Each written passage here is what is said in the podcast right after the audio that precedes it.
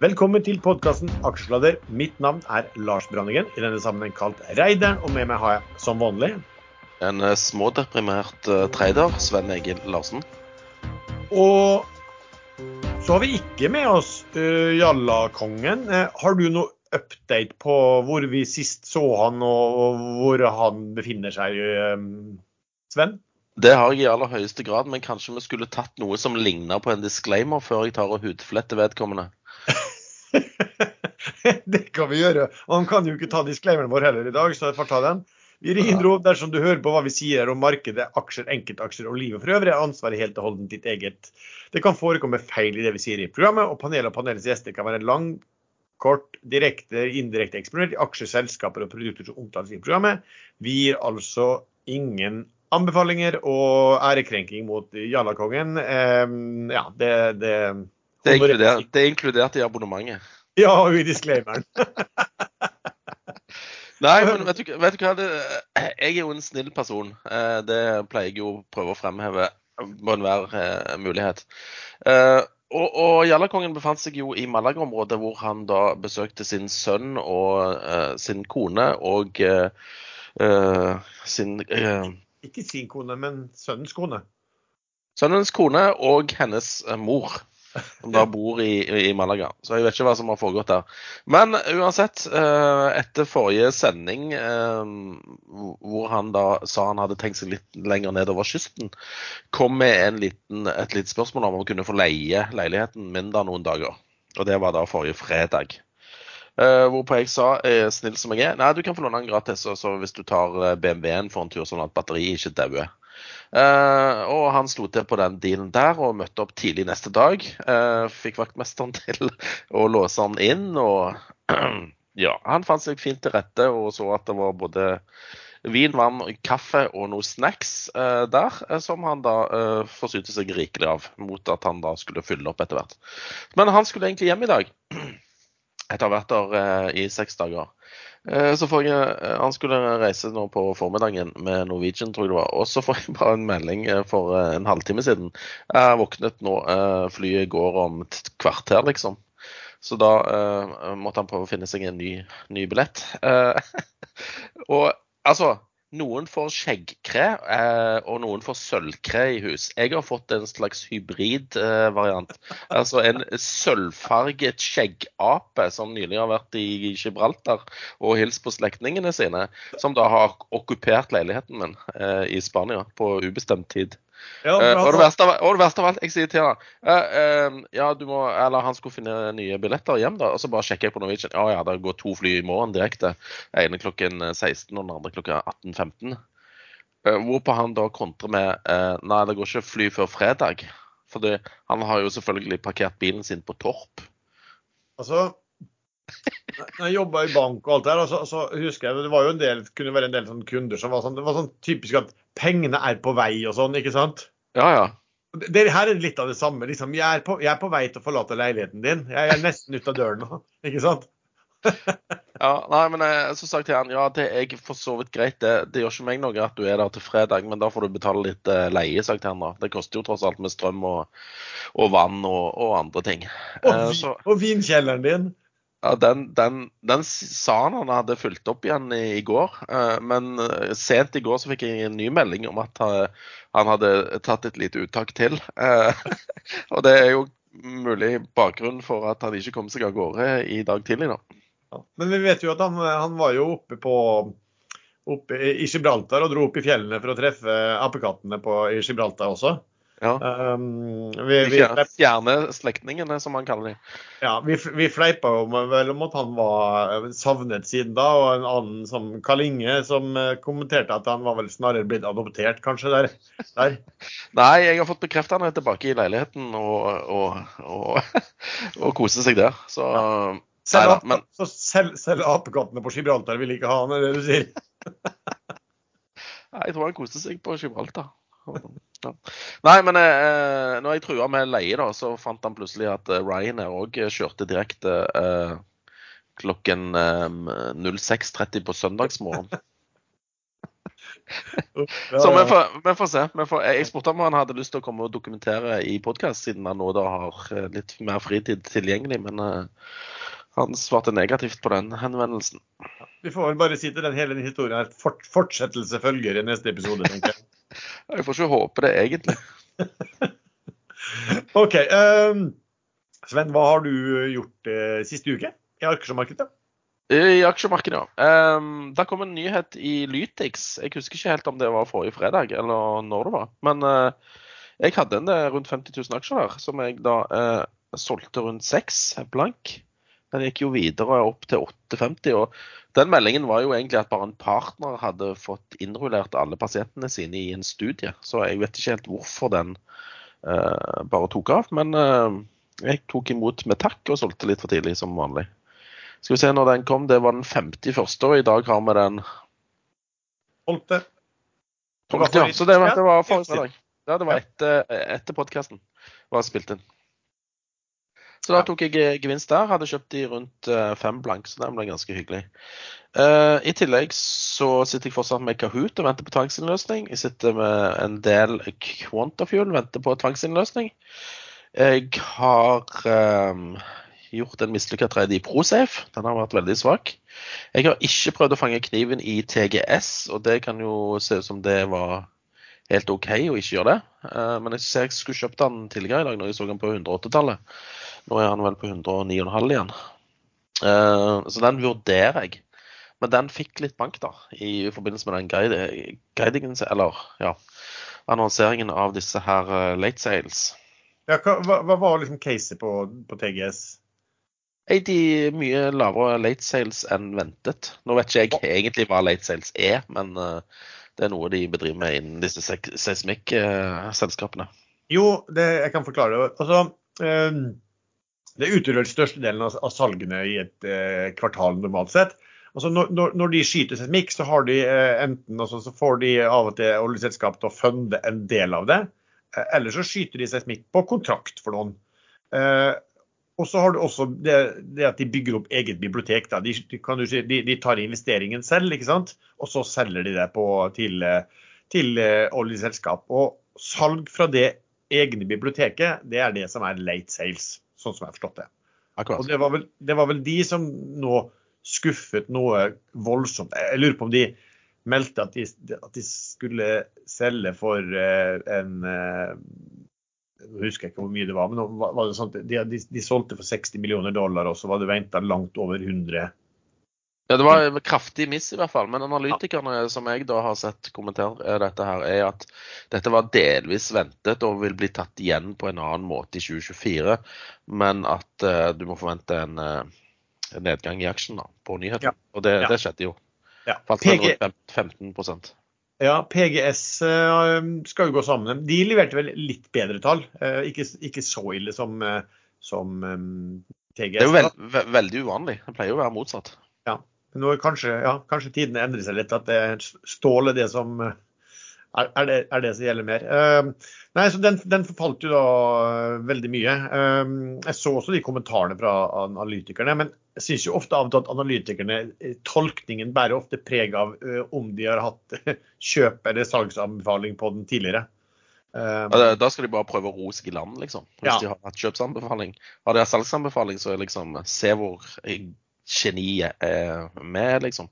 Ja, og denne skal knuses. Mens, det, ja. mens de har de hatt kjøp, så er det sånn Nei, det, det, dette blir bare en, det bare en utsettelse. Ja, riktig. Vi, vi, får vel se på det. Um, ja. ja. ellers Jo, jeg har uh, litt uh, i denne Viaplay. Uh, der solgte jeg litt på 5-10. Uh, når det kom nyheter om at generalforsamlingen hadde godkjent redningsplanen. redningsplan. Og den var vel under, uh, vel under fire i går, så jeg kjøpte tilbake de jeg solgte på 5-10 på fire blank.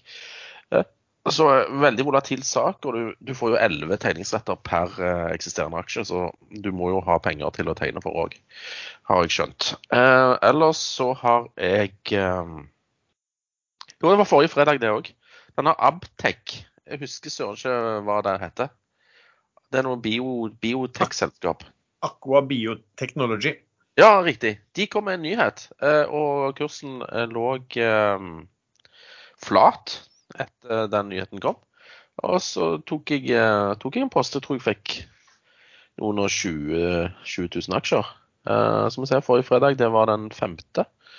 Ja, jeg tror jeg tok de på 320. 322, faktisk. Uh, og den bare steg opp til fem kroner. Men jeg solgte jo på 380, tror jeg. Ja. Uh, jeg fulgte ikke med på aksjen, og så plutselig sjekka den, så var den masse opp. Og så bare i ren refleks så bare lempa jeg ut. Og, og, den var jo litt merkelig, for der kom jo Finansavisen og sa at uh, tidenes resultatvarsel de skulle øke omsetningen med var det 150% eller et eller annet sånt. Nei, 20 ganger. 20 ganger, ja. Ja, jeg skal, jeg skal, det, ja, ja, du skal sikkert snakke om det. Men det var jo fordi at de har kjøpt opp en del selskap som da blir inkludert i disse omsetningstallene. Så jeg forsto ikke den oppgangen der heller. Noe av det største mølet jeg har sett fra Finansavisen bruker å være bra. Så, altså, jeg, men jeg kan ta litt om det senere. senere. Ja, jeg skjønner.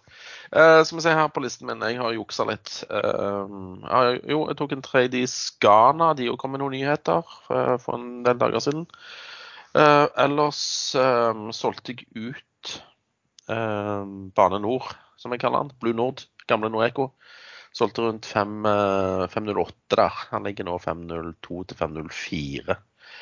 Um, bakgrunnen er at jeg har Altså, ifølge et meglerhus så kan det virke som det, ting tar litt ekstra tid på dette tyrafeltet. Det skulle komme early Q1, men nå kanskje det går mot uh, uh, late Q1. Men uh, selskapet har ikke kommentert det. Så for, uh, mulig jeg ta den igjen om en, om en måneds tid hvis det, ting drøyer. De kommer med tall 12.2, så får vi høre hva de sier da, hvis det ikke er kommet noe nytt til det.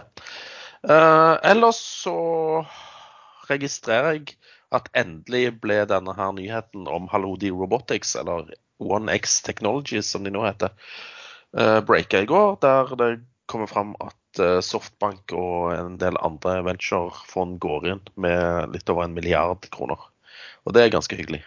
Ja. For som er tvungne langsiktige investorer der. Men jeg fikk faktisk solgt litt til, til noen nye, eller òg eksisterende, som ville øke sin eierandel. Så jeg solgte vel 23% av de aksjene jeg hadde. Ja, Men hvordan kom egentlig Venturesvenn seg inn i den, egentlig? Hva, hva var, det, det, historien var at det var et emisjonsrush av de sjeldne på Oslo Børs. Eh, og jeg tegna jo i alt som kom, eh, ganske ukritisk, og flippa med gevinst eller solgte før de kom på børs. Og det var happy days, hvis du husker Bergen Carbon Solutions og alt det der rælet som kom, liksom. Ja. Så du kunne bare, Og så kom det noe sånn Å ja, robotselskap. Ja ja, får være med på den òg. Eh, og så Å ja, når kommer aksjene på børs? Eh, nei, de skal ikke børsnoteres. Å nei. Takk skal du ha. jeg, fikk, jeg fikk jo full tildeling òg. Og jeg hadde bedt om mer enn en minstepost. Så det var jo hyggelig. Men, men. Det, det, det ordner seg for snille gutter. Ja. Eh, Apropos innledningen der jeg sier jeg er snill. Så Men, men den eh, Nei, jeg, kjøpte, jeg, jeg måtte bare sjekke det opp. Jeg kjøpte aksjene for 1755 kroner stykket. Eh, 700 stykker. Det ble 1, et eller annet millioner. Jeg husker ikke hvor mye. Men eh, også kjøpe Eller nå går eh, Softbank inn til en kurs på 417,32 eh, dollar per aksje. Så det, det er mer enn doblet seg. Så Det er jeg jo er pent. ja, ja. Men uh, ufrivillig, da. Ja, ja. Så, men ufrivillige gevinster er vel like bra som frivillige. Det er jo det. Så du, du, du kunne lagt ut om din store analytiske gjennomgang av vurderingen. Skikkelig tabbe. Men, men. Ja, Tegna feil, sant? Nei, jeg bare tegna. Altså, det var ingen som sa noe om noe børs eller noe. Det bare Skal du ha? Ja, ja, ja flott, det. Ja, nei, men det, det var hyggelig å se og at det, går videre. Og jeg tror faktisk jeg regnet meg vel fram til det nå er de cappa til litt under to milliarder. Fullt utvanna. Og, hvis dette blir bra altså Det kom til såpass tunge navn her nå. altså OpenAI, Tigerfond, eh, Softbank og EQT. eh, jeg vet ikke hva det er, EQT Ventures og så noen norske venturefond i tillegg. Så Det er jo tunge navn. så De kan jo plutselig finne på å, å pumpe dette litt. Absolutt. Og AI og sånne ting er jo megahot i USA for øyeblikket. Ja, Absolutt. Nei, plutselig, men, kommer, plutselig kommer det en IPO til 10 milliarder. You never know. navn. Flotte navn. Hva har du gjort da, Lars? i Jeg? Nei, skal vi se hva jeg har gjort. Jeg har eh, ja, treda litt frem og tilbake i den der eh, Search. Kjøpte litt, solgte vel omtrent det samme noen dager senere. Det jeg har gjort, eh, jeg kjøpte TGS. Da har den falt ned på Jeg kom vel inn på 109,4 og litt over 110, da. Så jeg at jeg var på 109,70 sånn cirka. Eh, og de solgte en dag tidlig, for da var kursen på over 112. Um, og Hva, skjedde der? Fordi når jeg sjekka den, eh, når jeg sto opp litt sent i dag, så var den 108 og noe.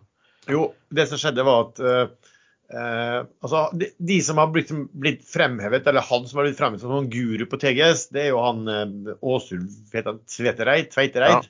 Ja, ja Tvetereid, tror jeg. Ja, og han sitter jo i et, et sånt kontorselskap med han eh, Kjerkreit og Egil Dahl. altså Veldig flinke folk som sitter sammen. Og De andre hadde allerede solgt litt før i TGS, før der smellen kom da. Men han Tveitereid han hadde sittet med sine. Så han, men han eh, kom aksjonærliste i dag, og da vises jo hva som hadde skjedd på, eh, på tirsdag. Eh, og da viste det seg at han altså, Og det var den dagen da, da kursen virkelig falt. Og han, da hadde Tveitereid solgt 500 000 aksjer, da. Um, så han hadde jo solgt for ja, 60 millioner og hadde fortsatt 1,5 millioner igjen. Og han Kjerkreid og Egil Dahl de, de, de hadde jo ikke så mye, men de hadde, så de hadde solgt ut alt sitt. Så årsaken var at det her kommer og så, Jeg vet jo at særlig altså media, da, Finansavisen og også vel Dagens Næringsliv tidvis, men spesielt Finansavisen, er veldig ivrig på å skrive om de her, for de er veldig profilerte. Hva de gjør, hva de går inn og ut av. og skrev veldig mye om når han Tveitereid gikk inn i TGS og tanker om TGS. Så jeg tenkte at her kommer det en artikkel i løpet av dagen om at de banger ut sine TGS. Eh, det var egentlig årsaken til, eh, til det også. og Jeg tror det var det som gjorde at, at kursen eh, er mye svakere i dag enn de andre, enn de andre oljeserviceselskapene. Så spørsmålet om kom, Jeg håper sånn som la på at den, den artikkelen skulle komme, og så kan det jo godt være at, at, etter det går inn igjen. Men det er klart hvis han skal ut med 1,5 millioner aksjer til, så, så kan jo det ja, sette sin preg på kursen det fremover. Så, så det var liksom historien på, Ja. på, på den. Uh, se hva ellers jeg har gjort, så har jeg kjøpt altså Africa Oil. Som eh, ja, de er notert i Stockholm og Toronto. Har faktisk, Det er jo Lundin som, har vært, som er storeier der. De har faktisk hatt sending via Ekstremester en gang for eh, noen år siden. Men de meldte jo at de eier 31% av et selskap som heter Impact. Og Impact eh, sitter i lisenser i, midt i Smørøy, det der Orange-bassenget utenfor Namibia. Der det har vært gjort en sånn stor, eh, mange storfunn, men på deres lisens så er det jo et storfunn som heter da, altså Venus heter vel det funnet der. Fortsatt usikkert hvor stort det er. Men disse Impact gjorde nå en, eh, en farmdown, eh, hvor de solgte halvparten, da, fra, gikk fra 10 til 20% solgte det til operatøren total. Det er jo et godt tegn at eh, operatøren vil ta det. Fikk da 100 millioner dollar tilbakebetalt, og pluss at de er carried på altså De får gratis lån da, eh, på alt som skal gjøres av, av fortsatte boringer og, eh, og utvikling. Helt, helt, alle, alle kostnader helt til dette feltet kommer i eh, First Oil. Da skal de begynne å betale tilbake igjen da på, fra oljeinntektene. Så kursen har jo da ja, den har gått pent eh, siden det. Og så er det man hatt eh, jeg satt og hørte på den eh, presentasjonen de hadde etterpå, og de sier jo da at eh, vi, er, vi mener at aksjekursen er signifikant undervurdert, og, og sier at og vi har eh, da nå altså, fullmakt til å kjøpe tilbake egne aksjer, eh, og indikerte på alle mulige måter at det var de interessert i å gjøre. Det er klart at altså, disse her Impact som de eier 30% av, det var vel snakk om at de måtte altså Den der er så stor, den der lisensen og utbyggingen, at det er snakk om at de, bare de for sin andel måtte inn med normalt ellers en milliard dollar eller noe sånt.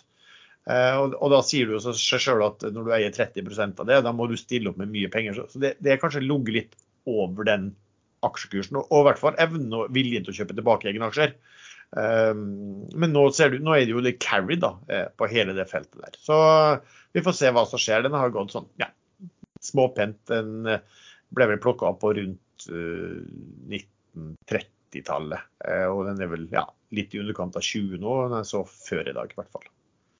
Jeg prøvde meg òg på denne, en trader, fordi at meglerhusene i Norge var så veldig positive til den nyheten og mente en rettferdiggjorde en seks til syv kroner på Nav, så vidt jeg forsto. Men så leste jeg en kommentar fra Fearnley, og de var mer sånn Nei, det trakk ned da med to og en halv. Så da bare solgte de. Jeg tror jeg fikk 20 øre i gevinst eller noe. Nei, det stemmer det. Det var vel Sparebank1 og Pareto økte vel med et par kroner, og så Fearnley reduserte med et par kroner. Men det, det som Fearnley skrev, var, var jo i og for seg at risikoen nå de, selv, Risikoen er jo mye lavere. Um, var vel det de fremhevet. Så, jeg var kanskje litt overraska at de kutta kursmål, for at man skulle tro at du har jo en sånn risking sant, av de ulike assetsene. og og når operatøren kjøper og du blir carried, så skulle man jo tro at OK, kanskje prisen var lavere enn de hadde trodd, men til gjengjeld så skulle altså, risikoen eller sjansen for at det her kommer i produksjon og blir, blir first order for verdier, burde, burde jo ellers øke. da. Men eh, det er jo sånn. Ja, men det virker jo som jeg tok feil, for aksjen gikk jo litt uh, videre etter jeg hadde solgt. Men ja. som, tre, som, trader så var det ryggmargrefleks om at et meglerhus tar ned, så får det med større vektlegging enn de som tar opp. Jeg skjønner godt at du tenker det på den, eh, på den måten. Men det som jeg kanskje tror som, som har hjulpet litt, nå har du jo, liksom, du har jo fått litt oljeprisoppgang også her. Og så, eh, og så er det jo å snakke kanskje om tilbakekjøp av egne aksjer. da. Eh, som, men det er jo en tradingposisjon for min del det her også. Hvis de mener at det er så signifikant undervurdert selskap, og at de, de nå har tørt krutt å kjøpe tilbake eh, egne aksjer, så, så, vil jeg jo gjerne si at, at det blir gjort. Men uh, har du fulgt ut uh, aksept av BWE-tilbudet? det går vel ut i dag 16.30? Det har jeg gjort. Jeg har fylt ut akseptet og sendt det til DNB, som skal motta den. Jeg ba om at de meldte tilbake at de faktisk hadde fått den, for det ble ganske store, stort antall aksjer. Um, men det har du ikke gjort. altså, for å se hvordan bare, det, det, er alltid greit å, å, å, at det ikke plutselig er et eller annet Han havna i spam-filteret? Ja, ikke sant. Eller bare tull ikke sant, på det greiene der. da. Men, uh, så vi får se. Altså, det, det, det uh, Jeg kjøpte faktisk litt mer i dag, på 26,75. For jeg får tilbake 27 kroner da om 14 dager. Altså, det er jo 0,9% på 14 dager. Det, det, er jo pent, det. Uh, jeg skjønner jo at det kanskje kan være smålapper, men jeg har alltid tenkt som sånn at hvis hadde jeg sittet og vært i en sånn pensjonskasse og kunne fått 0,9% på 14 dager, som da tilsvarer hva er det, 20 eh, villig tilsvart 20% så er det jo, det, det er jo penger du eh, alltid bør ta. I min verden, i hvert fall. Så har det vært eh, greit, en veldig grei reise da, etter at vi, vi var jo inne og spekulerte på den på, når det var på 24, og, og var jo så heldige at budet kom på 27 i stedet. Så, men det blir interessant å se hva den kursen, hva som skjer med kursen. Ja, men De, de kom jo med en guiding i dag da, som var litt uh, dårligere enn venta så jeg vil jo tro at den har blitt holdt oppe av, eh, av budet.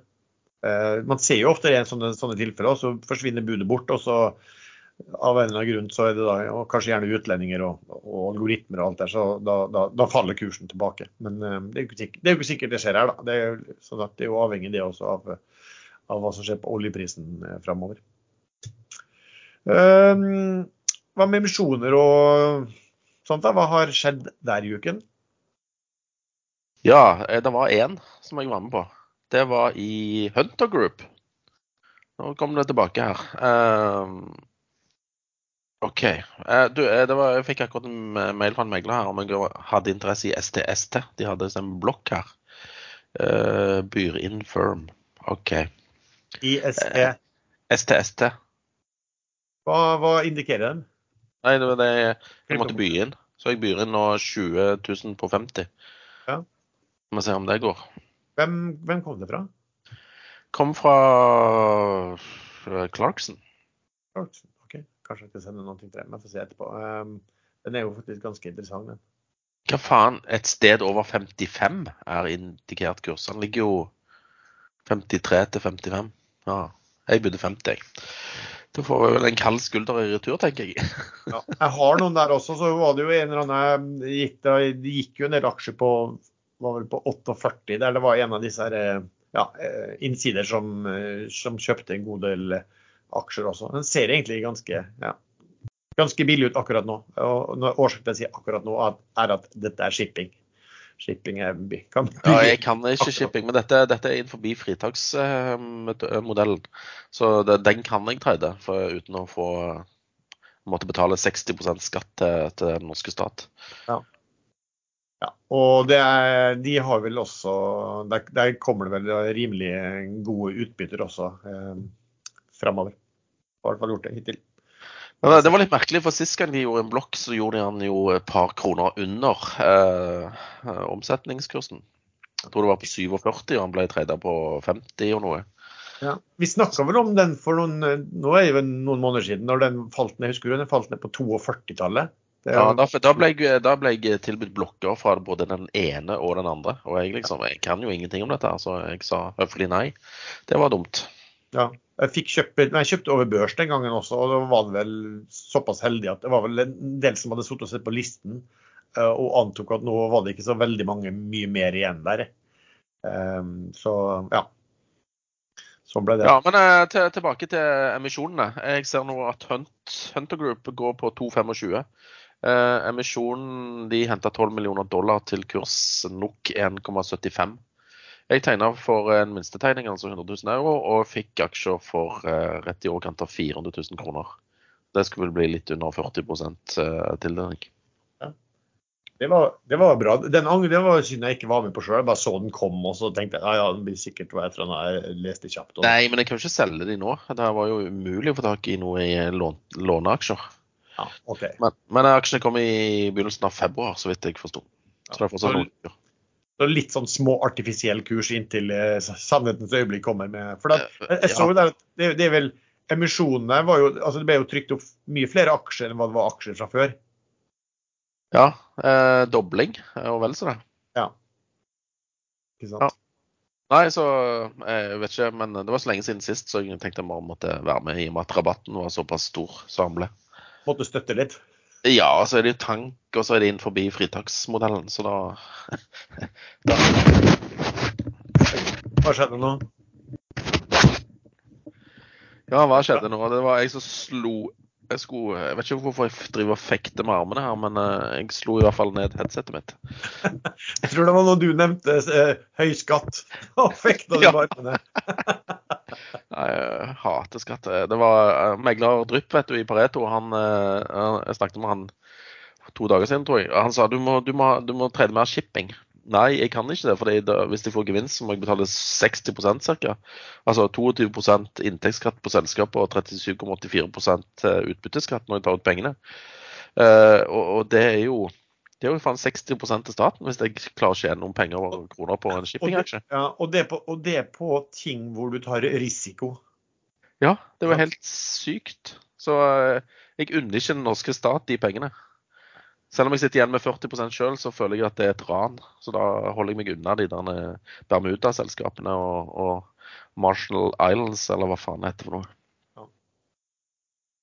Ja, men det var, det, det var den. Var det noen flere? Ja, det kom ikke det norsk det Titanium Kom de med emisjon, eller var det bare noe? Ja, de har tegningsrettsemisjon. Så ja. de hadde vel antyda Altså, den aksjen der er jo helt ko-ko. Ehm, de hadde vel eh, sendt en melding om at de skulle gjøre en emisjon. Indikert kurs mellom 8 øre og 82 øre, eller et eller annet. Så kom han på 82 eh, øre, eh, og aksjen var vel langt over 2,50 eller noe sånt. Har vel roa seg nå i siste dagene, men er fortsatt godt over 82 øre. Men den er, den er vel garantert på minste, minstevolum i rangen og en garantiprovisjon på 10% så vidt jeg husker ja, makro. Det kommer noen inflasjonstall fra USA her om dagen. Var det, var det i går? Var det foregårs? Det var i går. Det var i går. Ja, og hvordan var de? Nei, De var bitte litt over forventa. Eh, kjerneinflasjonen, core CPI, kom inn på 3,9 mot venta 3,8. Og den vanlige inflasjonen kommer òg en tidel over på årlig basis. Ja. Så uh, higher for longer ble plutselig et tema igjen.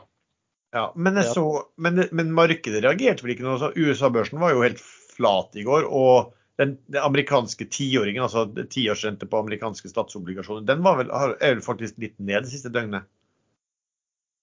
Ja, umiddelbare reaksjonen var opp. Så tiåringen tredde et lite stykke over fire blank. Nå er han nede på 3,98 igjen. Um, men det vi kan uh, Som er mer spennende, for å si det sånn, på en, på en, negativ måte, er jo det som har skjedd i Rødehavet og i Jemen i natt, egentlig. Hva, hva har du å fortelle, unge mann? Jeg er jo ikke den som følger mest med på dette, men jeg har lest overskriftene uh, fordi jeg får dem på mail om at uh, Amerikanske og uh, britiske styrker har uh, sendt noen raketter og flyangrep mot disse Houthi rebels, som de kalles på amerikansk. Uh, de som da driver og, og, plager skipstrafikken i Rødehavet. Så det er det eneste jeg har fått med meg, er jo at oljeprisen er opp pga. denne uroligheten i nedi der. Nedi der, i, i det der ja, for at jeg, jeg tror, tror, at det var vel altså, var det, var det fly fra USA og fra jagerfly fra USA og fra um, UK. Som, ja, I tillegg til noen raketter. Ja, og de skulle ta ut da disse her eh, om stedene hvor de, hvor de eh, hvor de hadde raketter, og hvor de lagde droner, og hvor de, hvor Ja, Jemen. Ja, i du Til Jemen, disse houthiene. Men det er vel kanskje ikke så lett å, å få altså, Saudi-Arabia har jo vært i, i, halvkrig med disse altså, Det var jo disse houthiene, var ikke det de som for og skjøt raketter inn mot, uh, inn mot, oljefelt i Saudi for uh, noen år siden? Mener jeg. For at, så Saudi har jo holdt på å, å kriga og skutt på og sendt, sendt raketter nedover dit også en lang stund. og Det, det er jo kanskje ikke så lett å få, å få has på, på, på de på dere houthiene. Og det er vel noen Sånn de kontrollerer vel en ganske stor del av landområdet i Jemen, herunder da området som ligger nærmest Rødehavet, tror jeg. Det var multitaske her nå, for jeg meldte jo tilbake Han uh, i eh, Clarkson har indikert 55 på den STS-en. Så da sendte jeg melding stå over det, uh, for jeg hadde jo bydd inn 50. Ja. Men nå, nå uh, mente du, fikk jeg mail tilbake, mente du 55? Nei, 50 står over. Og, så får jeg meg tilbake. Har vist inn din 50-interesse, eller vil du trekke den også? Altså, faen! det er rotekopper, altså. Ja. Altså. Hvem jobber du for, egentlig? Selger, tydeligvis. Ja vel. Jeg tror, men, det er så... ja, jeg, tror, jeg, tror, jeg tror ikke det var din beste venn. Nei. Han ville vel at jeg skulle si ja, jeg kan ta på 55. Men det kan jeg jo ikke. Sannsynligvis. Ja. Men eh, nei, tilbake til det Nå er det vel da oljeprisen er vel litt opp i dag. Jeg ser også at uh, ship, shipping fikk jævlig mye bank i går. Uh, Frontland var vel ned 5 i går, men den er opp 5,6 i dag. Så det er vel alt det der med alt som man tror uh, bidrar til problemer med, med passasjen da, opp Rødehavet og gjennom Suezkanalen det vil øke ratene på skipet også. Så også det tankrederiet Torm melder akkurat nå at, altså det at de har stoppet alle transitter gjennom sørlige delen av Rødehavet nå, da. Så, så, vi får vel se. Pisslei det opplegget der. Men eh, jeg så han uh, Theodor i Sparebank1 sa at eh, uroen i forbindelse med, med disse angrepene i, i, mot Houthiene typisk å vare to uker i, i oljemarkedet før ting roer seg igjen. Ja, for oljeprisen Brent har jo steget over ja, 80,5 akkurat nå. Ehm, men eh, det, ja, det er som du sier. Det, og det er jo også sånn, sånn at sånn som man så i går, da, så kan det altså variere noe voldsomt i, i eh, altså Shipping er jo volatilt uansett. da, Og det her gjør jo bare shipping enda mer volatilt. Sikkert eh, må jo være artig å trade når sånn som eh, Frontland, som gjerne går 2-3-4-5 per, per dag nå, opp og ned. Ja, det er slitsomt. De er i tillegg utenfor fritaksmodellen. Du, du, har satt dem i skatteporteføljen som du ikke skal se på? jeg, jeg bare driter i det, for jeg kan ikke dette shipping-greiene in the first place. Og så i tillegg skal jeg prøve å trade disse bevegelsene. Jeg har jo faen ikke peiling. Eh, og jeg ser jo liksom eh, folk eh, på ekstrainvestor kjempehappy for noen dager siden. Og så nå i går så var de jo kjempedeprimerte, for da hadde jo alle, alle gevinstene smelta hen som en snø, snømann i ørkenen, liksom. Så Nei, til og med, det er for volatilt til og med for meg.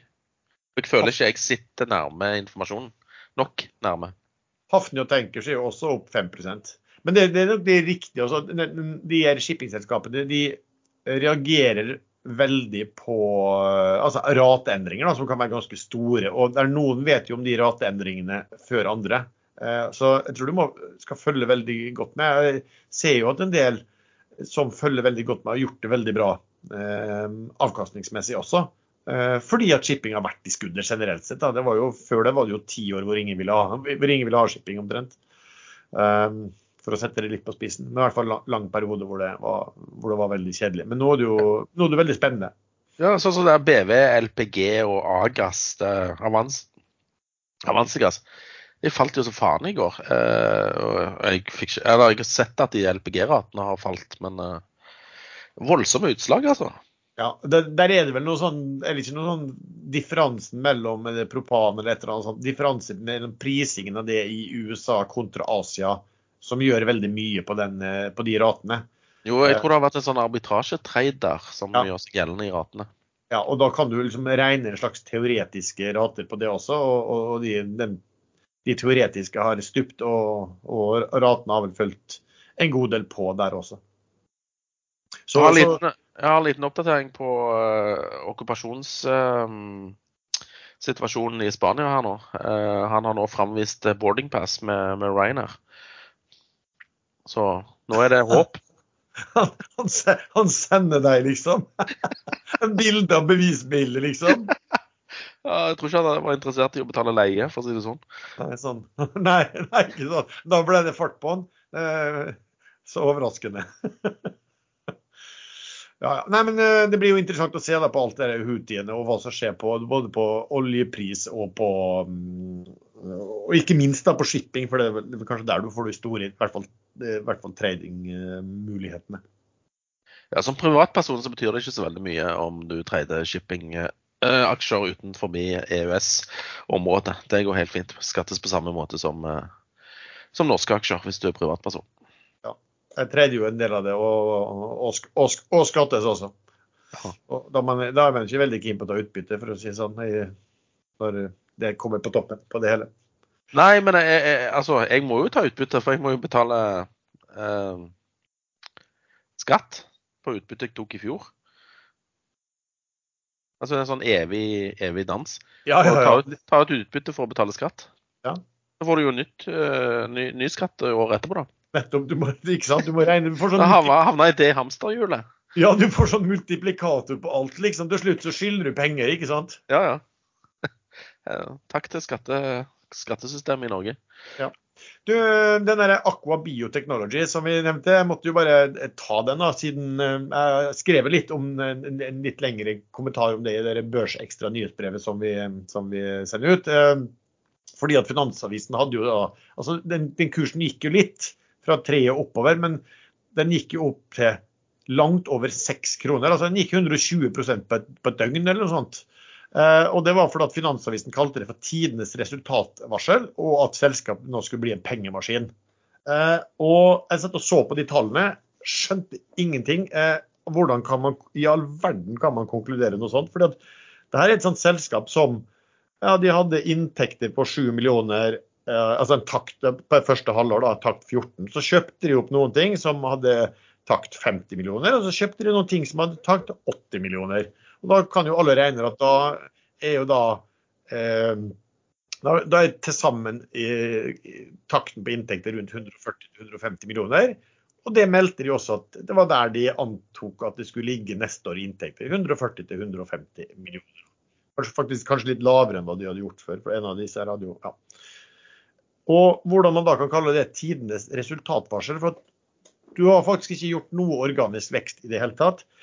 Men resultatvarsel, de varslet heller ingen resultat. De varslet jo bruttofortjeneste på 50% Altså, Hvis jeg var journalist, ville jeg lært litt mistenksom på et selskap som kan guide inntekter, bruttofortjeneste, men ikke kan, vil guide det som heter resultater. Og det var jo ikke så rart, da.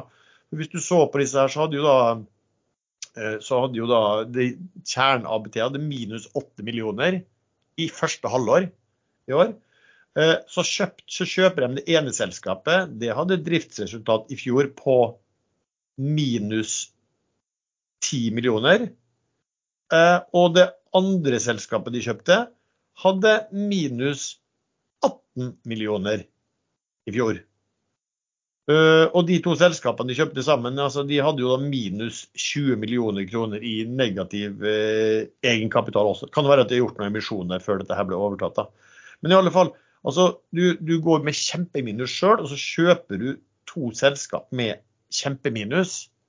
Så forteller du at du skal ha en bruttofortjeneste, altså som er en varefortjeneste, men ikke noe da om kostnader på husleie, for disse er jo salonger og alt mulig. Ikke noe markedsføring, ikke noe kostnader til ansatte, ikke noe kostnader i det hele tatt.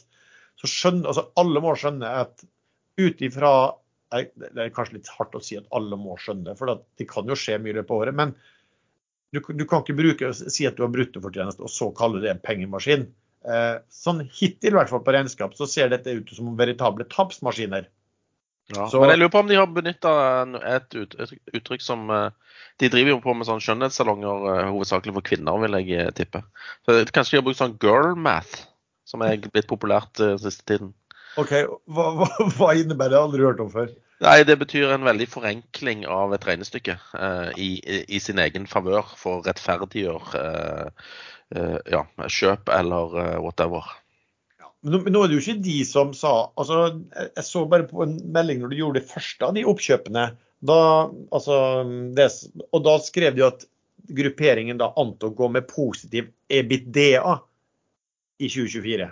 Positiv EBITDA er jo, vet jo alle at når du klarer akkurat å gå det, så, jo, så betyr jo egentlig at du er minus.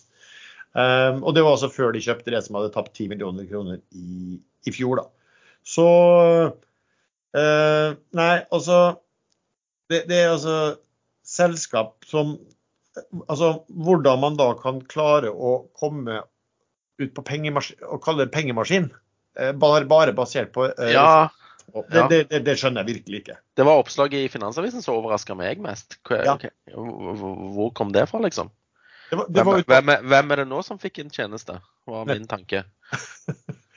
man skjønte virkelig ikke hvordan man den konklusjonen kunne dras. Eh, og det verste var at de, to, de neste påfølgende dagene så hadde de sånn headline på, på um, uh, hovedoverskrift på nettsiden. Liksom, en dag var det om at pengemaskinen stiger 120% Så det jeg bestemte meg for, det i hvert fall at hver eneste gang de kommer med tall i 2024, så um, skal jeg sette meg nøye ned og så skal jeg, kommentere, skal jeg kommentere om det blir en pengemaskin eller ikke. Så kan man jo Det er veldig bra at du skal sette deg nøye ned. Ja, det, det altså, det trenger... veldig, altså, jeg skjønner at balansen begynner å bli dårligere om årene, men uh, du skal vel sitte og se nøye på tallene, håper jeg, og ikke sette deg nøye ned.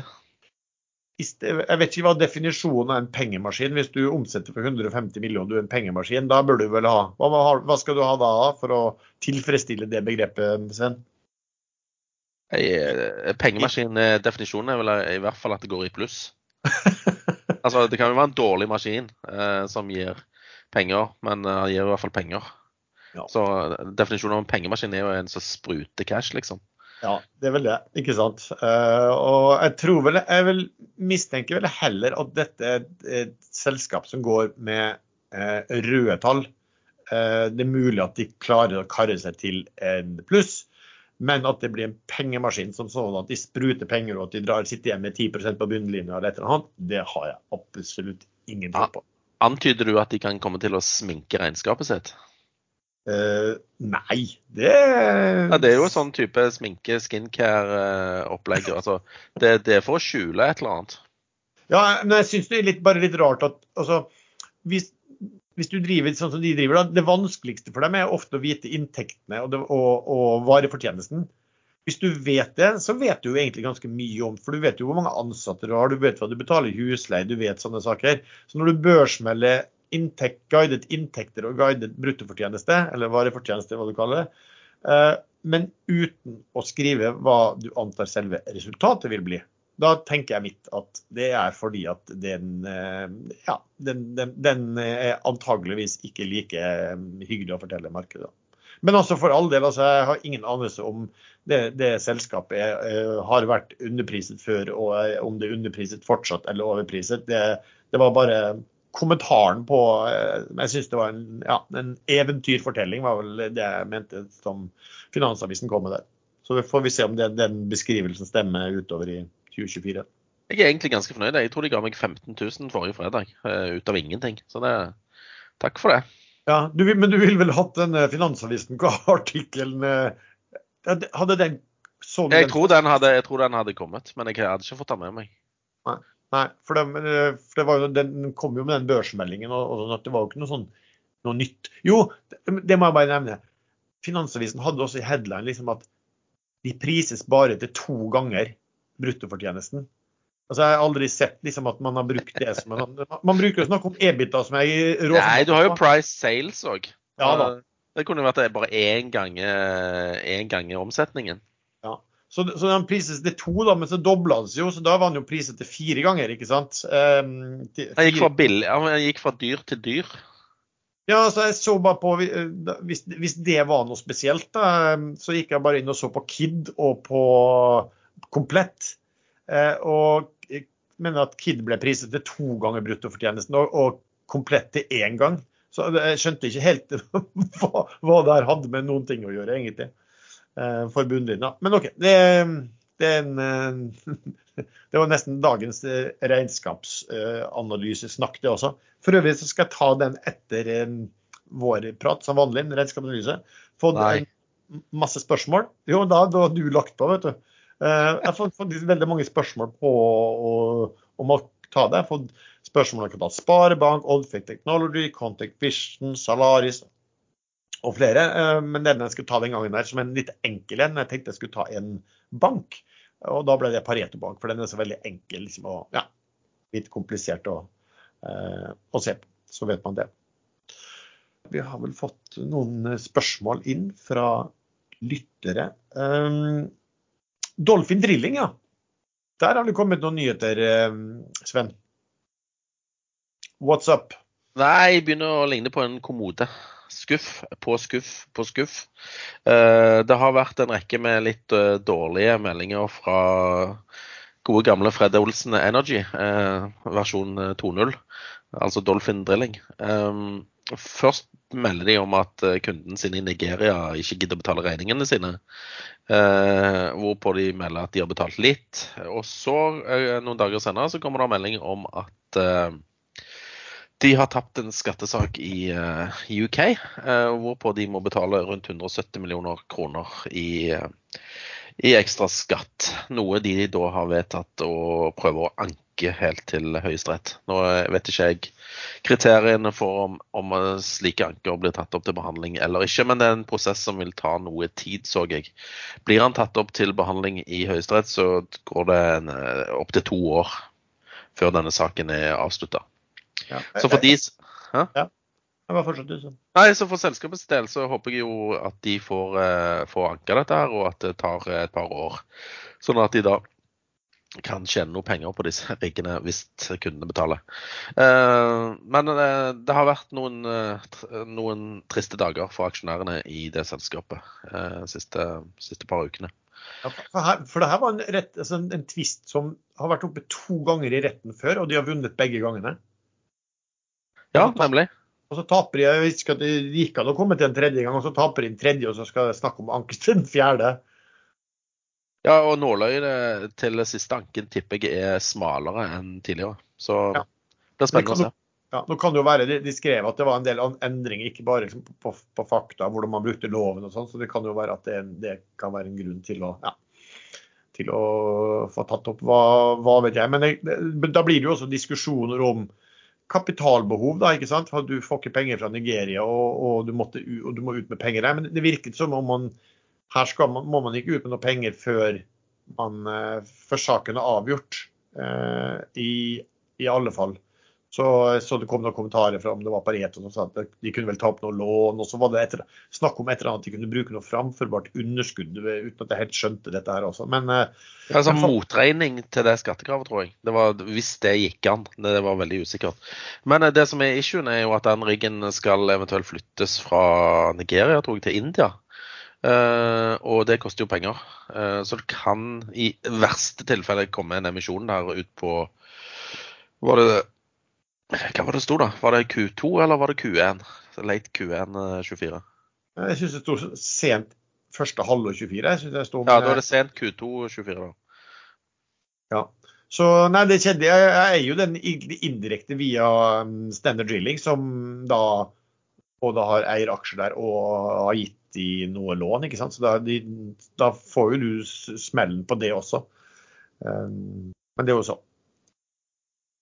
Så nei, det, det når det gjelder Nigeria-innbetalingen, så var den jo veldig liten. Altså, den, var vel, den, var vel, mindre enn nye påløpte inntekter siden sist gang de hadde meldt noe. Eh, så fordringen ble Selv om de betalte noe, så ble fordringen større enn det var sist gang de ja, De hadde vel betalt 2,5 millioner dollar, og så var vel utestående rundt 17?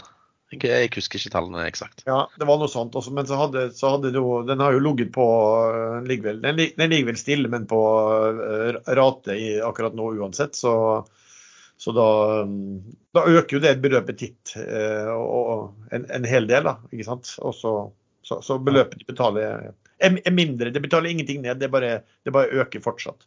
Jeg husker jeg satt med obligasjoner i dette her produksjonsskipet Front Puffin, som lå ute på Adje-feltet og pumpa litt olje der. Og med nigerianske kunder eh, som, eh, altså, som, skulle betale. Det var, det var ikke Du kunne ikke liksom stille kalenderen etter betalingen der. Der kom det når de hadde penger. Men altså, når, når, det, når det gjelder motparten, så tror jeg det er et lite oljeselskap. Jeg prøvde å sjekke det opp. for Hvis det, hvis det er liksom en større aktør, så er det jo sånn at hvis du ikke betaler boreselskapet, så vil du jo det, det skjønner jo andre enn boreselskaper, så vil du jo faktisk ikke få noen avtaler når du, når du trenger en rigg. Da vil jo ingen inngå avtale med deg. Men hvis du er litt sånn vinn eller forsvinn-selskap på, eh, på, et felt, så kan du jo holde på på den måten der, kanskje. Eh, og så hadde du jo fått en avtale videre med et annet Eh, nigeriansk eh, oljeselskap i fortsettelsen. da. Men eh, de betalte jo ikke inn. De ble forlangt at de skulle betale inn en 6 millioner dollar i forskudd, og det var de ikke betalt inn. Og, så, og da har de sagt opp avtalen, da, men da skal jo disse nigerianske selskapene saksøke dem for det. Da. Så det er jo, ja. Skal vi se hva vi ellers har fått spørsmål om. da. Vi har, jo, Du har jo snakket en del om, om Havila kystruten. Så det er en som spør spesifikt til deg. altså Hvorfor er du så bull ut ifra gjeldssituasjon, emisjonsfare, båtverdi, oppkjøpskandidat, spørsmålstegn, fremtidsutsikter? Hva, hva er, liksom, hva, hva er, er caset? Case, eh, altså Hovedcaset mitt er at de har et produkt som etterspørs over hele verden eh, for øyeblikket. Og jeg tror at de ved å gjøre de rette tingene kan eh, bli, bli lønnsomme. Kanskje ikke med dagens rentenivå på gjelden. Men du har en sterk eier som heter Per Sævik. Eh, han har solgt eh, fergene sine eh, i fjor 1. Det er en refinansiering i Havila kystruten til neste år. Eller er det sent 24? Jeg tror det er neste år. Men min tese, og jeg har hørt litt sånn chatter på noe om at kanskje han tar den første transjen og altså yte et lån, typ uh, 12% og det er da bedre enn 15-16 som de betaler nå. Jeg tror det kan være oppi i 18 faktisk, i worst case. Så det er en vinn-vinn-situasjon for både selskap og uh, aksjonærer. Og han er jo største aksjonær i selskapet. Så uh, hvis han da uh, Ja. Det, jeg ser for meg det skjer et eller annet med finansieringen som gjør at dette caset kommer til å bli en del bedre. Så håper jeg òg på oppdaterte bookingtall nå over nyåret. og jeg følger med på Face-gruppen til de som bestiller, og de fleste kommentarene derfra er veldig bra. Og de har hatt en veldig fin opplevelse på disse turene. Det skjønner jeg ikke helt, da, for det, det, må jo være masse bølger og dritt og lort og vinter og, og sånn. Men uh, Titanic ligger rundt 73 øre. Uh, emisjonen var det på, den var vel på én krone blank? Den var ikke Den var på én krone blank, ja. ja en krone, krone, blank. Så det er liksom uh, Jeg håper han kommer opp der igjen. og hvis de gjør de rette grepene, så kommer han ganske mye høyere opp. Skipsverdiene er mye høyere, men dette er jo spesialdesigna skip som da i en sånn salgsprosess kanskje vil være litt vanskelig å få eh, markedsverdi på. Ikke vet jeg. Jeg, jeg, liker, jeg, liker, selskapet, jeg vet ikke hvorfor. Jeg, jeg, liker den ideen om at folk skal til Norge og, og, og, og altså, kjøre cruise. Og, disse båtene er jo sånn miljøvennlige. Så hvis vi da kan få en litt mer miljøvennlig regjering som forbyr disse store cruiseskipene inn i disse her uh, verdensarvsfjordene våre, og bare lar uh, Havila kystruten få lov å gå inn der, så tror jeg vi kan uh, snakke om pengemaskin. Ja, for, fordi at case her er det er å ja, få, opp, uh, si, få, opp, dekningen uh, på, på, hver enkelt båt, og gjerne opp prisen også. Og så må man bruke et, et da, godt resultat til å få reforhandlet eh, eh, lånebetingelsene. For det, det, er jo det som er liksom det, det, viktige. Før man klarer det, så vil jo alle pengene bare gå til ja, eh, men jeg leste en artikkel, eh, jeg husker ikke i hvilket tidsskritt, jeg lurer på om det var et nordnorsk et, som eh, snakket om Det, det finnes jo en konkurrent her som heter Hurtigruta. Eh, Hurtigruten. De har jo òg noen båter som går opp og ned langs kysten. Eh, og det er ikke det er ikke så veldig profitabelt å ha to konkurrenter der, når du kunne hatt én aktør som da eh, kjørte og hadde monopol på den eh, biten der. Havila Kystruten er jo den som har nå eh, avtale med staten. Og, og, liksom Altså de må kjøre den ruten fram til 2030, tror jeg det. Eh, og da er det litt, eh, litt plagsomt med en konkurrent som, som gjør det samme. Mm. Og, og Hurtigruten eies vel av et uh, britisk oppkjøpsfond, så vidt jeg husker, eller Venture Capital-fond. Ja, sammen med ikke, ikke Hegnar? Jo, Hegnar og sånn. Altså, det, det ville jo vært i deres interesse òg å ha hatt en monopolsituasjon der, vil jeg tro. Så du, det kan skje ting der òg. Annet spørsmål til eh, oppkjøpssjefen Sven er eh, det, det, det, virker jo litt ledende, da. For det er, eh, tror du Crayon blir oppkjøpt i 2024? Uh, hvordan skulle jeg For det første, jeg vet ikke helt hva Crayon holder på med. Jeg tror det er bare IT-konsulenter altså, og videresalg av uh, hovedsakelig Microsoft-produkter. Som Ja, det, det, hørtes ikke så veldig sexy ut. Så Nei. jeg vet ikke. Jeg, jeg, trodde de burde hatt noe eget, uh, altså eget utvikla opplegg for å kunne bli kjøpt opp. Uh, dette er vel en business som egentlig kan startes opp av nesten hvem som helst. Ja, det er vel sånn at disse Bain har vært eh, interessert i å kjøpe konkurrenten Software One. Jeg vet ikke hvor, hvor mye de skiller seg eh, fra hverandre. Jeg, jeg, jeg, er veldig dårlig på sånn Microsoft og software-selskaper. Eh, ja, Men det der, altså, jeg, jeg, klarer å se liksom nå disse SAAS, altså Software as a Service-selskapene blir eh, kjøpt opp, for de har disse abonnementsgreiene og, og steady inntjening og cashflow og den biten der. Eh, men ja, IT-konsulenter og videresalg av software fra Microsoft. Jeg, jeg vet ikke hvor sexy det er. Nei, Man snakker jo også litt om at de kan dra nytte av AI, da, for det kommer jo den, her, hva heter det, den Microsoft-løsningen, jeg husker ikke hva den heter, som, ja, eh, med innebygde AI-løsninger. Hva heter den? Jo, det er sikkert sånn for å installere, altså ikke implementere hos bedrifter og sånn og alt det der. Det er sikkert masse jobb på det, men det er jo mange selskap som gjør akkurat det samme. Ja. Det er min, min, tanke her, at uh, de tilbør egentlig ikke noe eksklusivt.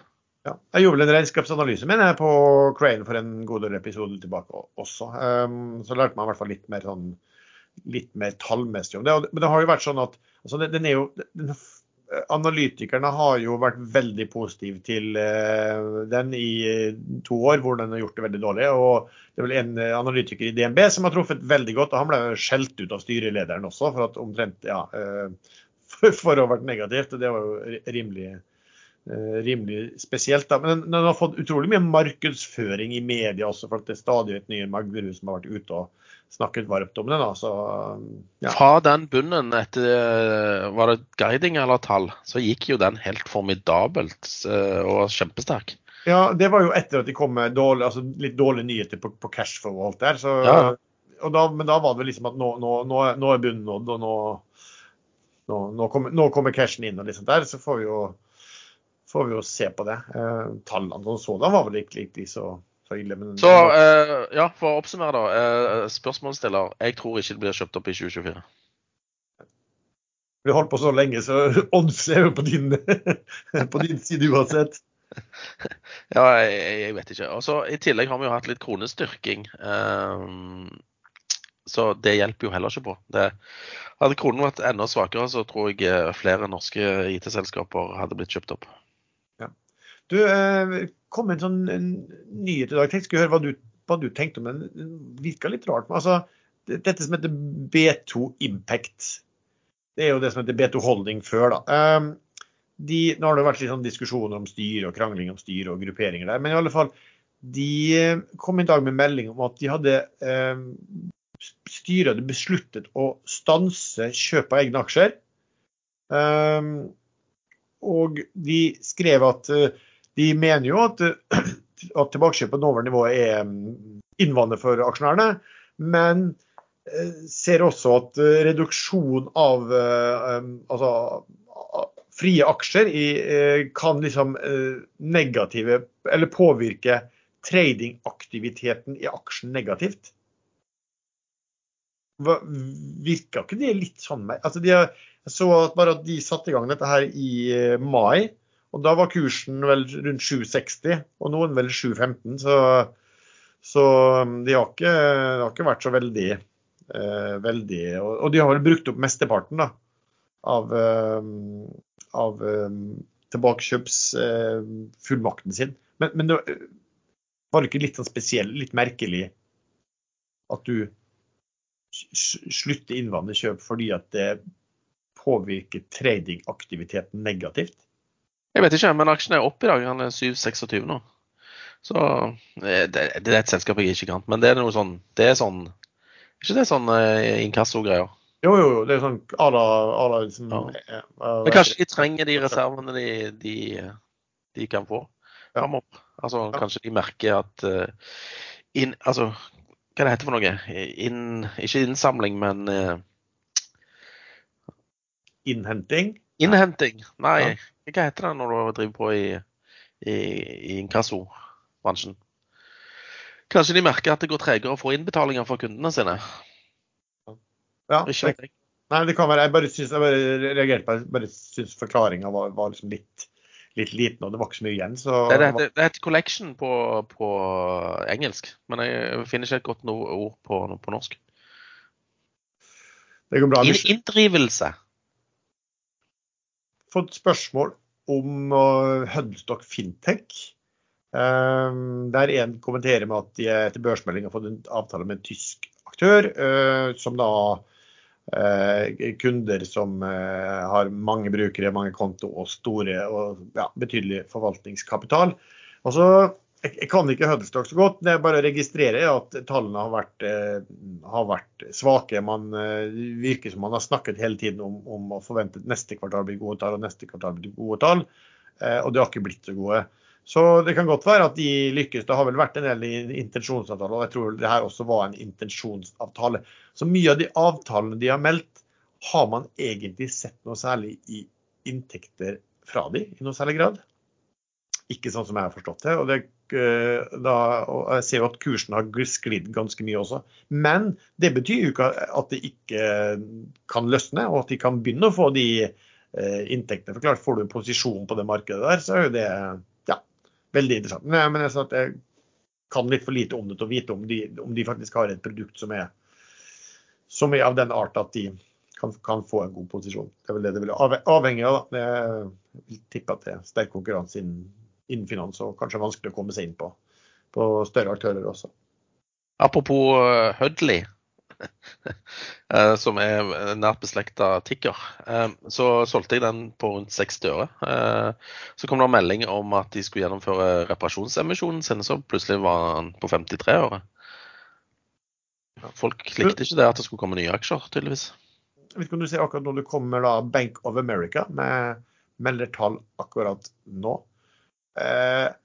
EPS 35 cents per aksje, ventet 58. Det hørtes ut som en uh, ganske fet uh, bom i så fall, men det kan jo være årsaker, det. Um, ja, det står EPS 035, estimatet 068. Var det det du sa? 058 ser jeg det her. Ja, 068 står det hos meg. Okay. Ja, um, omsetning det, men det, det, det, er de som sliter egentlig med balansen på disse held to maturity-obligasjonene. Um, Ja, jeg tror det var snakket, for nå skulle du Det er vel ikke bare de, jeg lurer på om City Group også kommer med Wells Fargo, Wells Fargo også kommer akkurat nå. Uh, earnings EPS 086, estimated 106. Ja.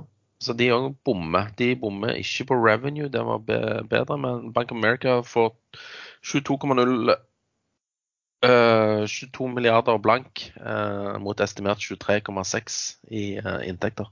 Ja. Så det er relativt stor mist da på Bank of America. Jeg tipper da, altså Det var vel snakk om jeg så bare en kommentar at man kunne forvente seg liksom, litt økte tapsavsetninger og kommentarer rundt og, og, og, flere utsatte lån. altså jeg vil tippe Når man bommer så mye, så gjør man jo veldig ofte det på, på tap. da. Kommer faktisk JP Morgan også, du sa? Jeg så bare at de hadde økt tapsavsetningene høyere enn ventet. Skal vi se, Jeg har ikke fått earnings på de, jeg har bare fått revenue. Eh, 39,94 milliarder, estimert 40,23, så de bomma litt, men ikke mye. Eh, avsetning for eh, kredittap 2,76 mot venta 2,42. Men jeg har ikke sett eh, inntjeningen. Jeg skal ta, bare ta og sjekke Bank America her i pre, om den er ned, eller hva, hva som skjer. Nei, den ligger ganske flatt, faktisk. Hva er årsaken til de tallene? Det kan jo være engangsting eller hva som helst. Ikke sant? Du må nesten se litt mer på hvordan det, hvordan det forklares. Da. Men det ser vi jo utover dagen i, i, uh, i USA i dag.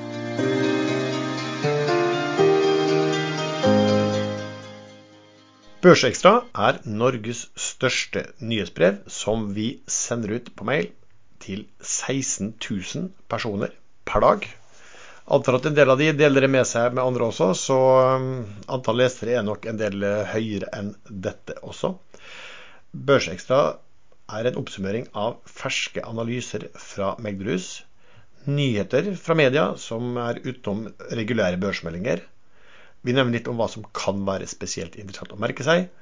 Og tidvis er det smågretne kommentarer og stikk fra redaktøren, dvs. Si undertegnede. Vi har to utsendelser. Premium-versjonen sendes før børs, eh, der vi også tar med siste måneds analyser fra noen omtalte. Det har en pris på 1150 kroner per år. Tenkte jeg skulle nevne eh, hyggelige ord fra en abonnent som nettopp fornyet for en ny tolvmånedersperiode. Han skriver kan ikke få roset børsekstra som kommer før åpning nok. Årskontingenten er tjent inn mange ganger på ideer jeg har fått derfra. Klokken 14.00 så sender vi ut en gratis eh, utsendelse. Hvis du vil registrere deg som gratismottaker, så kan du legge inn din e-mailadresse det er, ligger en lenke til det eh, i beskrivelsen til denne episoden, eller så finner du det under børsekstra på ekstrainvestor.com. Vi er selvfølgelig glade hvis du vil være lesere, og så er vi litt ekstra glade hvis du vil bli premium-bruker.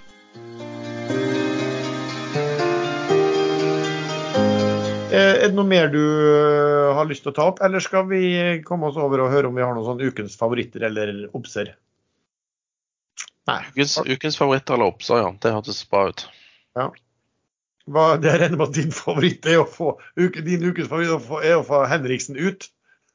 Få sølvskjeggkre ut av, uh, ut av leiligheten, ja. Det er pri én. Short. Nå så forresten det kom Finansavisen med artikkel også om at, uh, om at uh, de gutta som dumper aksjer i, i TGS også. Okay. Men bare fortsett. fortsett for, ja, nei, eh, neste uke så er det vel eh, generalforsamling i eh, Ekstraordinær generalforsamling i Quantafuel. Eh, tippet tett etterfulgt av melding om eh, tvangsinnløsning. Så det kan bli en uh, liten ting å gamble på for de som liker sånt. Um, mitt bette på 638, så får vi se om det blir lavere enn det eller ikke.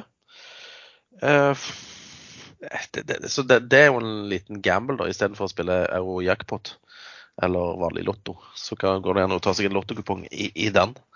Eller så eh, Jeg syns det er litt vanskelig nå med all den støyen rundt disse houthiene og bombinger og granater og fyrverkeri i Midtøsten. Eh, så det gjelder å følge med på om det eskalerer eller ikke. Eh, nå begynner jo resultatsesongen, eh, og ja, det blir mye å følge med på framover. Så jeg tipper det blir litt mer volatilt marked, hvis det er lov å håpe på. Altså, det har jo vært ganske volatilt, men det kan og det har vært litt svakt i USA eh, på begynnelsen av året. Så jeg, satser på at volatiliteten øker, og at svingningene blir større.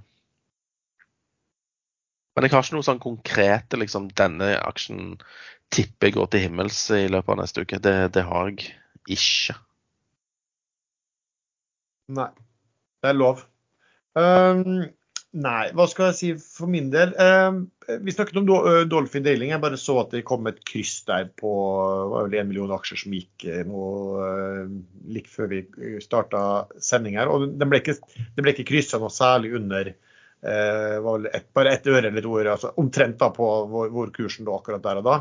Uh, og det har vel vært et par selgere som har vært litt sånn ivrige, så det kan jo være at noe har kommet, uh, blitt ferdig ut der også.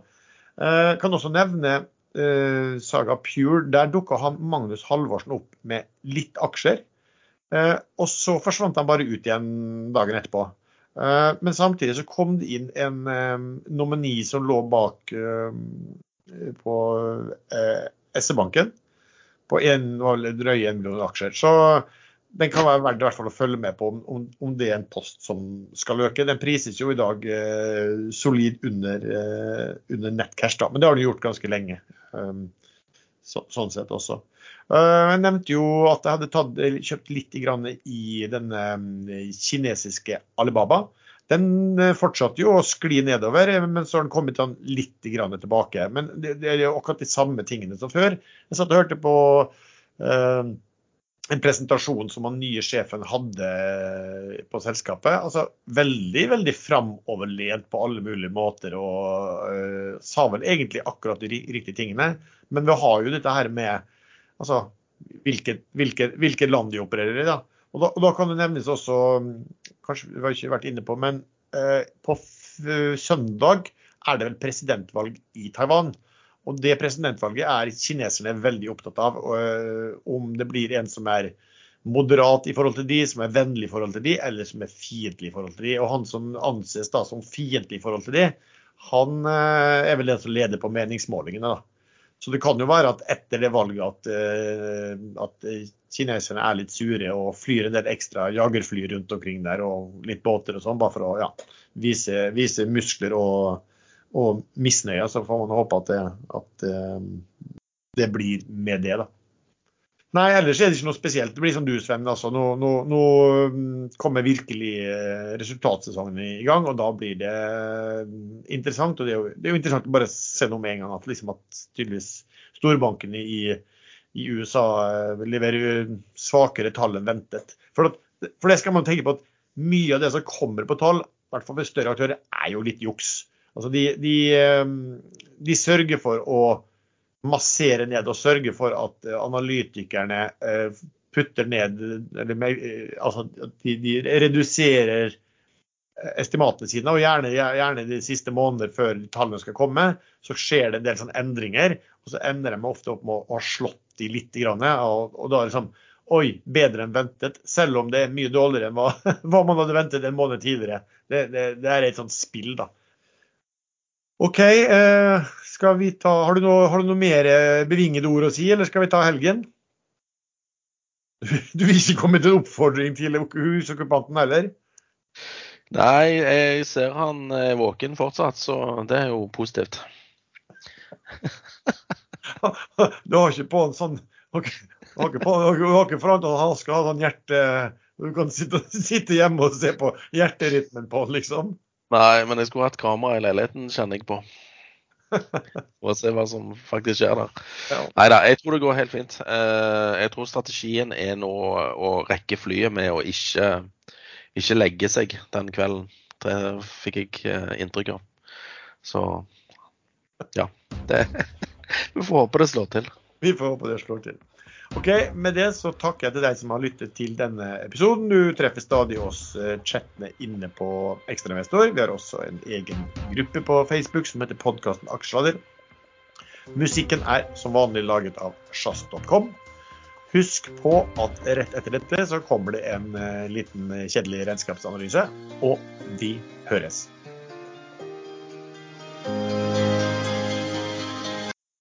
Ok, det passet jo bra med det vi snakket om at amerikanske banker kom med tallag. Uh, I forhold til regnskapsanalysen denne gangen, der jeg hadde valgt ut Pareto Bank.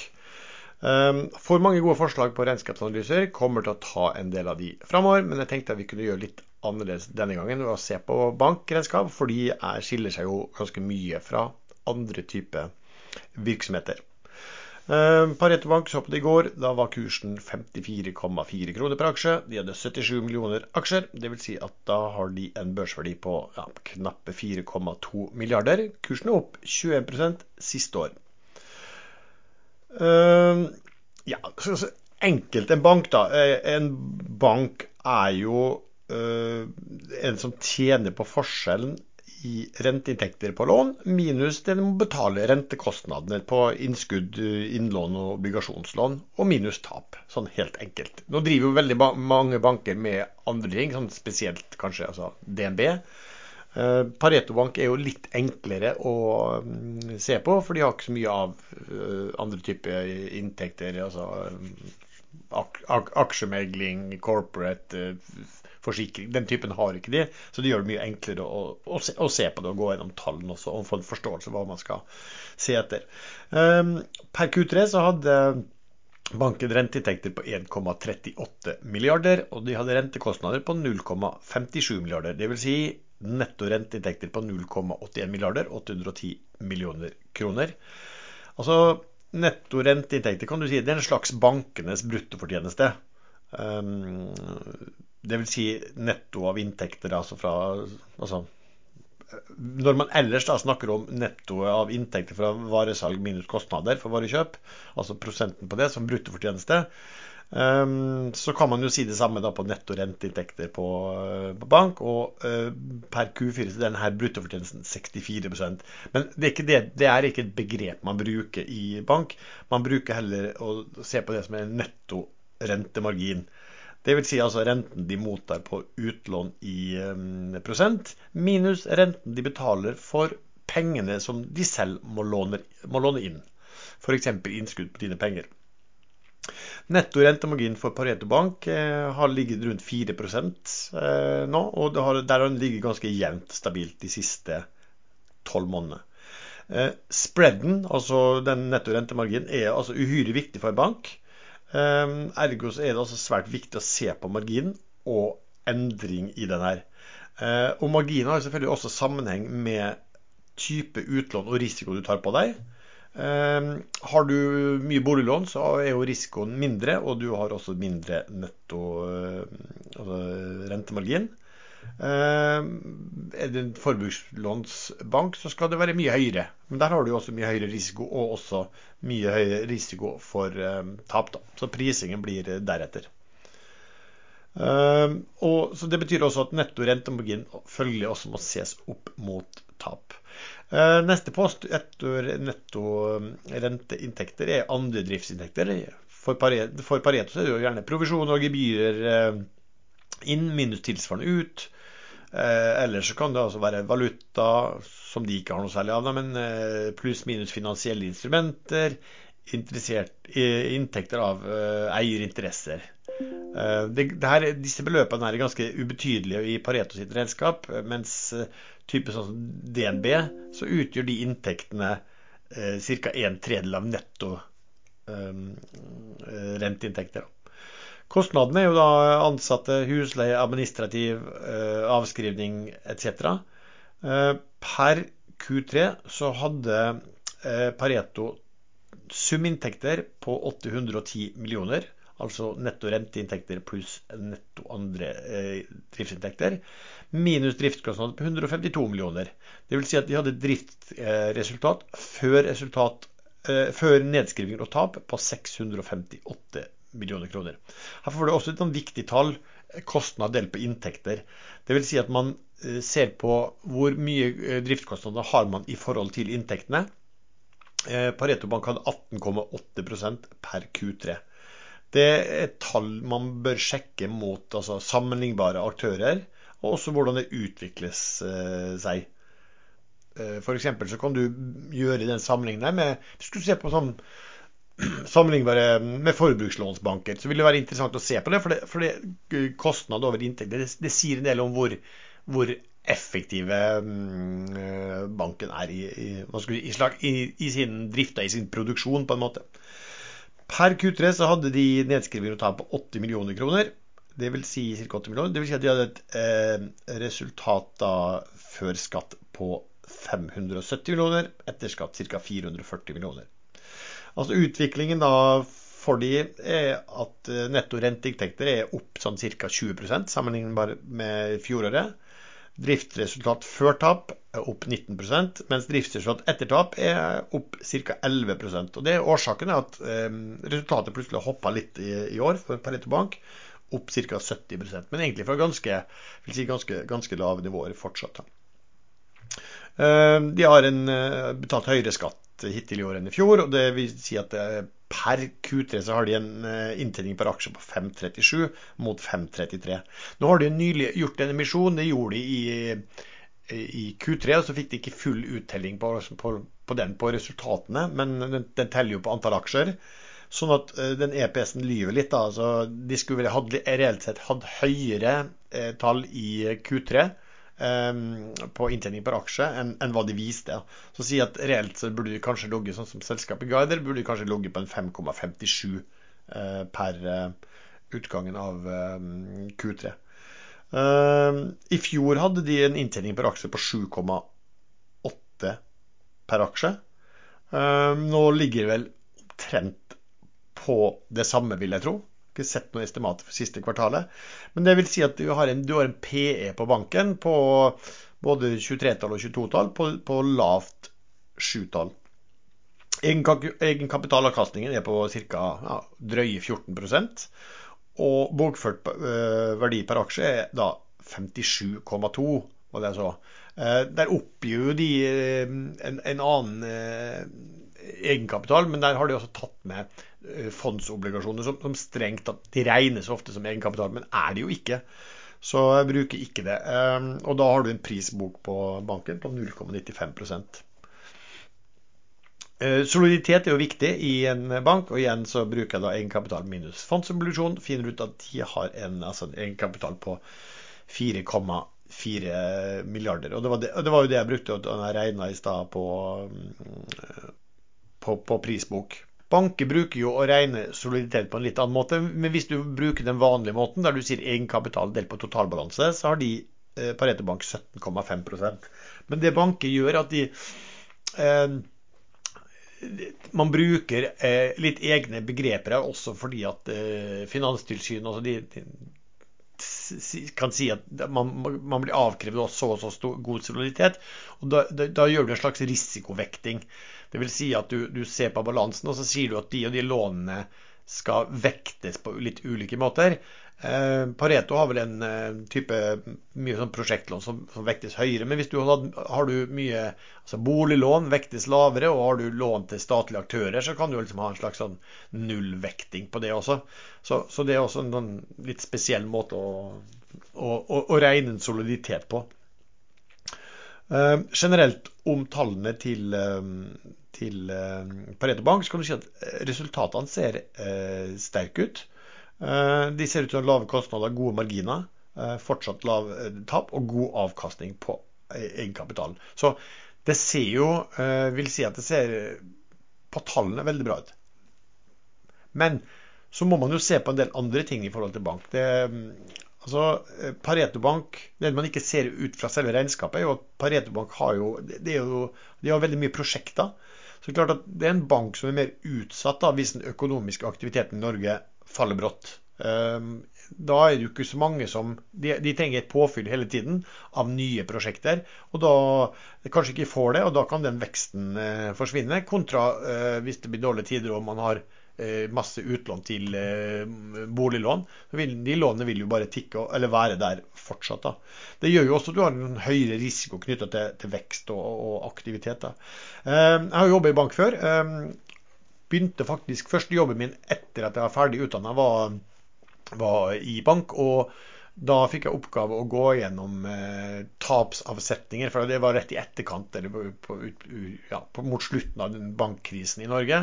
Som var egentlig ganske interessant å se på eh, hvordan man eh, hadde ja, tapsført, og, og når, og, og, hva endelig resultatene blir. Da. Så jeg bruker å si at det som har vist seg, er at banker er litt sånn black box.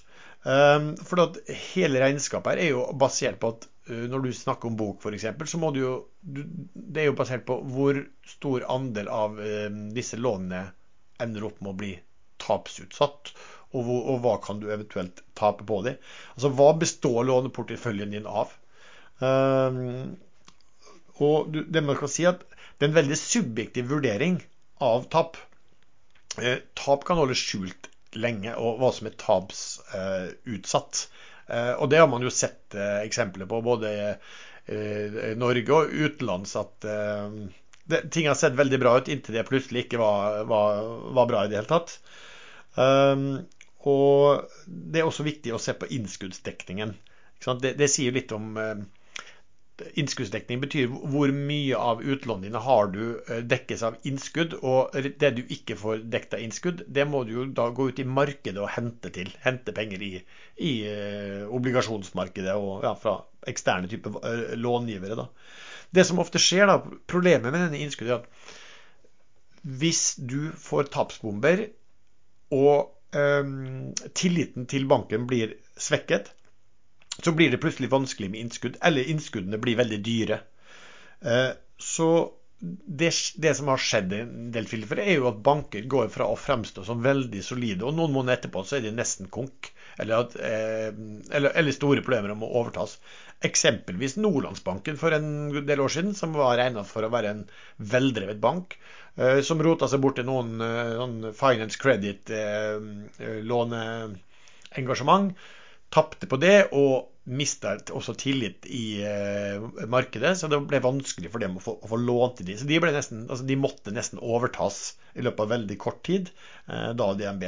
Vi har også sett det samme på regionbanken i USA, som plutselig da ble oppmerksom på at de eh, hadde altså mm, urealiserte tap i, eh, i statsobligasjoner. og det ble problematisk, for folk ble redd, og så begynte man å flytte bort penger. Eh, altså Innskuddene forsvant, og aktører ville ikke låne penger.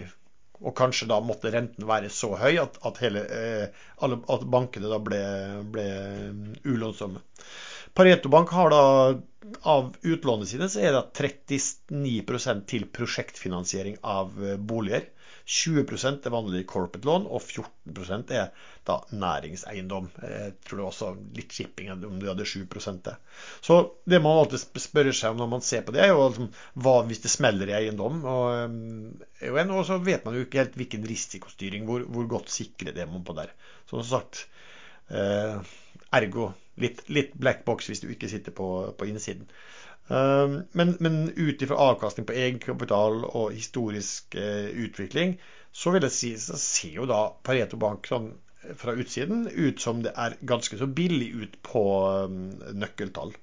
Uh, de har en målsetting på 50 15, unnskyld, de har en målsetting på 15 avkastning på egenkapitalen, og av det skal gi da 50% utbytte. Og det er klart at Hvis du da prises til en prisbok på én, så tilsier det egentlig at du får et utbytte på ca. 7,5% på øh, aksjekursen. Uh, og forhåpentligvis da i takt med at uh, inntjeningen stiger. Så så jeg bare kjapt på hva ville skjedd på, på Røntebank hvis de hadde 1 tap. Da hadde de hatt 180 millioner kroner i tap sånn cirka i året. Altså Det er ikke så veldig mye det ville slått på, altså resultat. Jeg så at de ville jo hatt noe mye, men det som er så hittil i år, så ville de kanskje redusert resultat før skatt med, eh, med 10 jeg håper det var en sånn grei innføring i hva man kan se etter i banker. Det er, det er veldig mye man kunne snakke om hva du skulle sett etter på hva de skriver om, eh, om tapsutsatte lån, om, eh, og, hvilke, om det om det er realiserte tap, avsatte tap, om det er sånn skjema, nesten sånn skjematiske avsatte tap. Eh, ja, du har veldig mye nøkkeltall, og, du, og spesielt også på, på soliditeten. Eh, det orker jeg ikke å bruke tid på her. Og det kan du heller sette deg ned på og se litt selv hvis du er interessert. Men jeg håper i hvert fall at bare den lille praten her om Pareto gjør at du vet litt mer hva du kan se etter i tall, og hva du kan se mer etter når du skal analysere bank. Så takker jeg igjen for at folk har kommet med en hel del innspill på på regnskapsanalyser, og, fått, og at folk syns det her er interessant og lærerikt å høre på.